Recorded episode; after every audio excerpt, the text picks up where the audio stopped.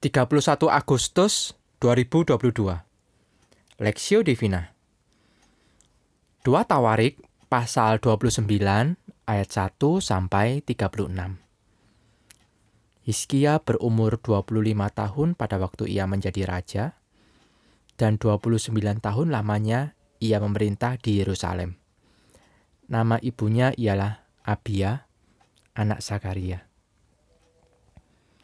Ia melakukan apa yang benar di mata Tuhan, tepat seperti yang dilakukan Daud, bapa leluhurnya. Pada tahun pertama pemerintahannya, dalam bulan yang pertama, ia membuka pintu-pintu rumah Tuhan dan memperbaikinya. Ia mendatangkan para imam dan orang-orang Lewi dan mengumpulkan mereka di halaman sebelah timur. Katanya kepada mereka, Dengarlah, hai orang-orang Lewi, sekarang kuduskanlah dirimu dan kuduskanlah rumah Tuhan, Allah nenek moyangmu. Keluarkanlah kecemaran dari tempat kudus, karena nenek moyang kita telah berubah setia. Mereka melakukan apa yang jahat di mata Tuhan, Allah kita. Telah meninggalkannya mereka telah memalingkan muka dari kediaman Tuhan dan membelakanginya. Bahkan mereka menutup pintu-pintu balai rumah Tuhan dan memadamkan segala pelita. Mereka tidak membakar korban ukupan dan tidak mempersembahkan korban bakaran bagi Allah orang Israel di tempat kudus. Sehingga murka Tuhan menimpa Yehuda dan Yerusalem. Ia membuat mereka menjadi kengerian, kedahsyatan, dan sasaran suitan seperti yang kamu lihat dengan matamu sendiri. Karena hal itu, karena hal itulah nenek moyang kita tewas oleh pedang. Dan anak-anak laki-laki dan anak-anak perempuan kita beserta istri-istri kita menjadi tawanan. Sekarang aku bermaksud mengikat perjanjian dengan Tuhan Allah Israel supaya supaya murkanya yang menyala-nyala itu undur daripada kita. Anak-anakku, sekarang janganlah, janganlah kamu lengah, karena kamu telah dipilih Tuhan untuk berdiri di hadapannya, untuk melayani Dia, untuk menyelenggarakan kebaktian dan membakar korban baginya. Lalu bangunlah orang-orang Lewi itu, yakni dari Bani Kehat, Mahat bin Amasai, dan Yoel bin Asaria, dari Bani Merari, Kis bin Abdi, dan Asaria bin Ehalelel, dari orang Gerson, Yoah bin Sima dan Eden bin Yoah. Dari Bani Elisafan, Simri, dan Yeiel. Dari Bani Asaf, Sakaria, dan Matainya. Dari Bani Heman, Yei, Yehiel, dan Simei. Dan dari Bani Yedutun, Semaya, dan Usiel.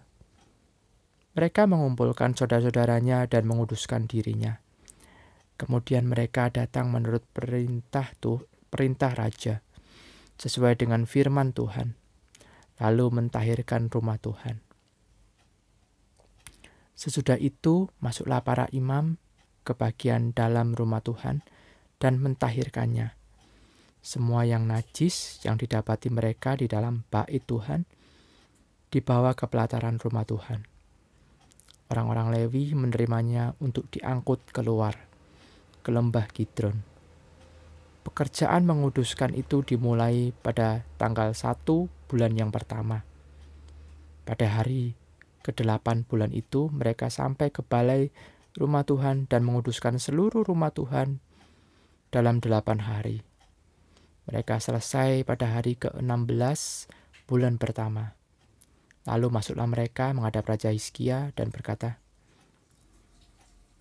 Kami telah mentahirkan seluruh rumah Tuhan, juga mesbah korban bakaran dengan segala perkakasnya, dan meja roti sajian dengan segala perkakasnya, dan segala perkakas yang dibuang Raja Ahas ketika ia berubah setia pada masa pemerintahannya. Telah kami sediakan dan kami kuduskan. Sekarang Semuanya itu ada di rumah. Semuanya itu ada di depan mesbah Tuhan. Maka pagi-pagi Raja Hizkia mengumpulkan pemimpin-pemimpin kota dan pergi ke rumah Tuhan. Mereka membawa tujuh ekor lembu jantan, tujuh ekor domba jantan, tujuh ekor domba muda, dan tujuh ekor kambing jantan sebagai korban penghapus dosa untuk keluarga raja untuk tempat kudus dan untuk Yehuda. Ia memerintahkan anak-anak Harun, yakni para imam, untuk mempersembahkannya di atas mesbah Tuhan. Lalu mereka menyembelih lembu-lembu itu. Para imam menerima darahnya dan menyiram, menyiramkannya pada mesbah. Kemudian mereka menyembelih domba-domba jantan dan menyiramkannya, menyiram, menyiramkan darahnya pada mesbah. Sesudah itu, mereka menyembeli domba-domba muda dan menyiramkan darahnya pada mesbah. Selanjutnya, mereka membawa kambing-kambing jantan yang akan menjadi korban penghapus dosa ke hadapan raja dan jemaah. Mereka meletakkan tangannya ke atas kambing-kambing itu, dan para imam menyembelihnya dan mempersembahkan darahnya di atas mesbah sebagai korban penghapus dosa untuk mengadakan pendamaian bagi seluruh Israel. Sebab raja telah memerintahkan untuk mempersembahkan korban bakaran dan korban penghapus dosa itu bagi seluruh Israel. Ia menempatkan orang-orang Lewi di rumah Tuhan dengan ceracap, gambus, dan kecapi, sesuai dengan perintah Daud dan Gad pelihat raja, dan Nabi Nathan. Karena dari Tuhanlah perintah itu, dengan perantaraan nabi-nabinya. Maka berdirilah orang-orang Lewi dengan alat-alat musik Daud, demikian pula para imam dengan nafiri. Lalu Hizkia memerintahkan untuk mempersembahkan korban bakaran di atas mesbah. Pada saat persembahan korban bakaran dimulai, mulailah pula dinyanyikan nyanyian bagi Tuhan dan dibunyikan nafiri dengan iringan alat-alat musik Daud Raja Israel. Seluruh jemaah sujud menyembah, sementara nyanyian dinyanyikan dan nafiri dibunyikan. Semuanya itu berlangsung sampai korban bakaran habis terbakar. Sehabis korban bakaran dipersembahkan, raja dan semua orang yang hadir bersama-sama dia berlutut dan sujud menyembah. Lalu Raja Hizkia dan para pemimpin memerintahkan orang-orang Lewi menyanyikan puji-pujian untuk Tuhan dengan kata-kata Daud dan Asaf, pelihat itu. Maka mereka menyanyikan puji-pujian dengan sukaria, lalu berlutut dan sujud menyembah. Kemudian berbicaralah Hizkia. Sekarang kamu telah mentahbiskan dirimu untuk Tuhan. Mendekatlah dan bawalah korban-korban sembelihan dan korban-korban syukur ke rumah Tuhan. Lalu jemaah membawa korban-korban sembelihan dan korban-korban puji-pujian. Setiap orang yang rela hati membawa juga korban-korban bakaran. Jumlah korban bakaran yang dibawa jemaah ialah lembu 70 ekor, domba jantan 100 ekor, domba muda 200 ekor, semuanya sebagai korban bakaran bagi Tuhan. Persembahan-persembahan kudus terdiri dari lembu sapi 600 ekor, kambing domba 3000 ekor. Tetapi jumlah imam terlalu sedikit sehingga mereka tidak sanggup menguliti semua korban bakaran. Oleh sebab itu saudara-saudara mereka, orang-orang Lewi, membantu mereka sampai pekerjaan itu selesai dan sampai para imam menguduskan dirinya. Sebab orang-orang Lewi itu lebih bersungguh-sungguh menguduskan dirinya daripada para imam. Lagi pula, korban bakaran itu banyak, dan segala lemak korban keselamatan dan segala korban curahan pada korban-korban bakaran itu. Demikianlah ibadah di rumah Tuhan ditetapkan kembali. Hiskia dan seluruh rakyat bersuka cita akan apa yang telah ditetapkan Allah bagi bangsa itu. Karena hal itu terlalu karena hal itu terjadi dengan tidak disangka-sangka.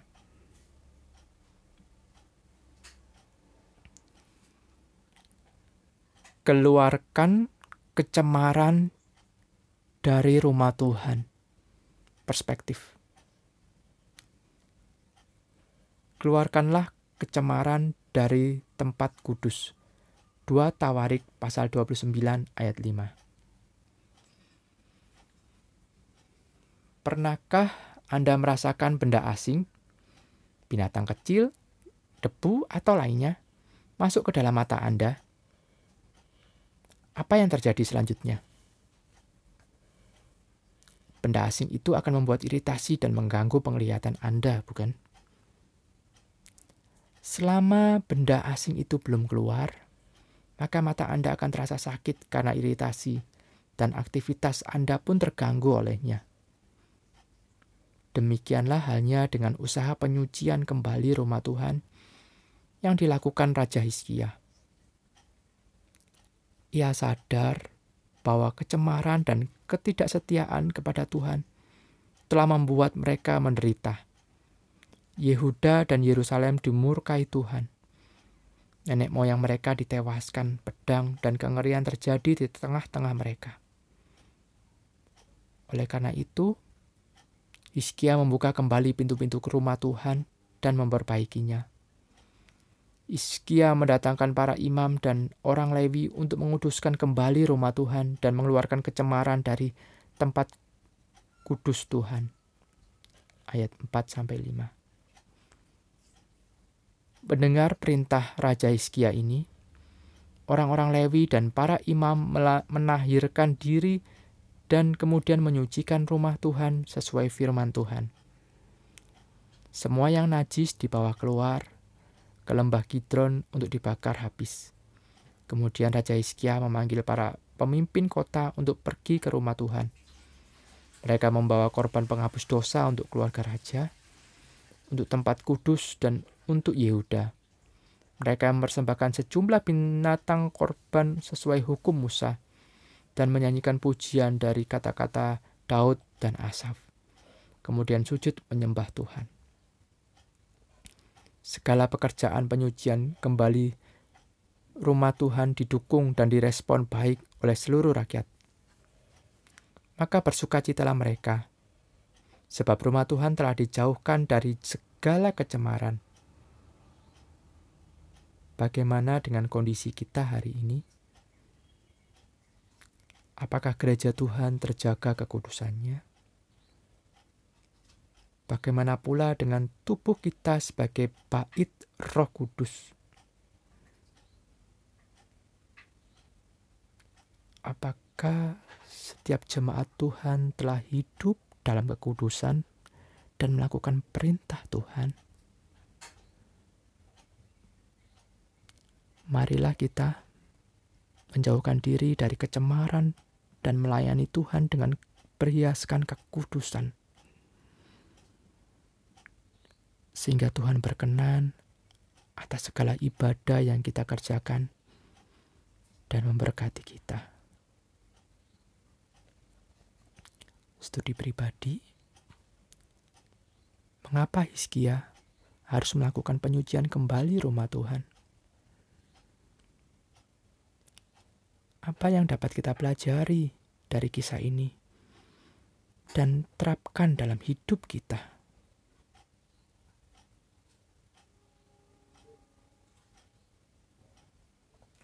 Pokok doa, berdoalah bagi jemaat agar mereka beribadah kepada Tuhan dengan ketulusan hati dan kekudusan.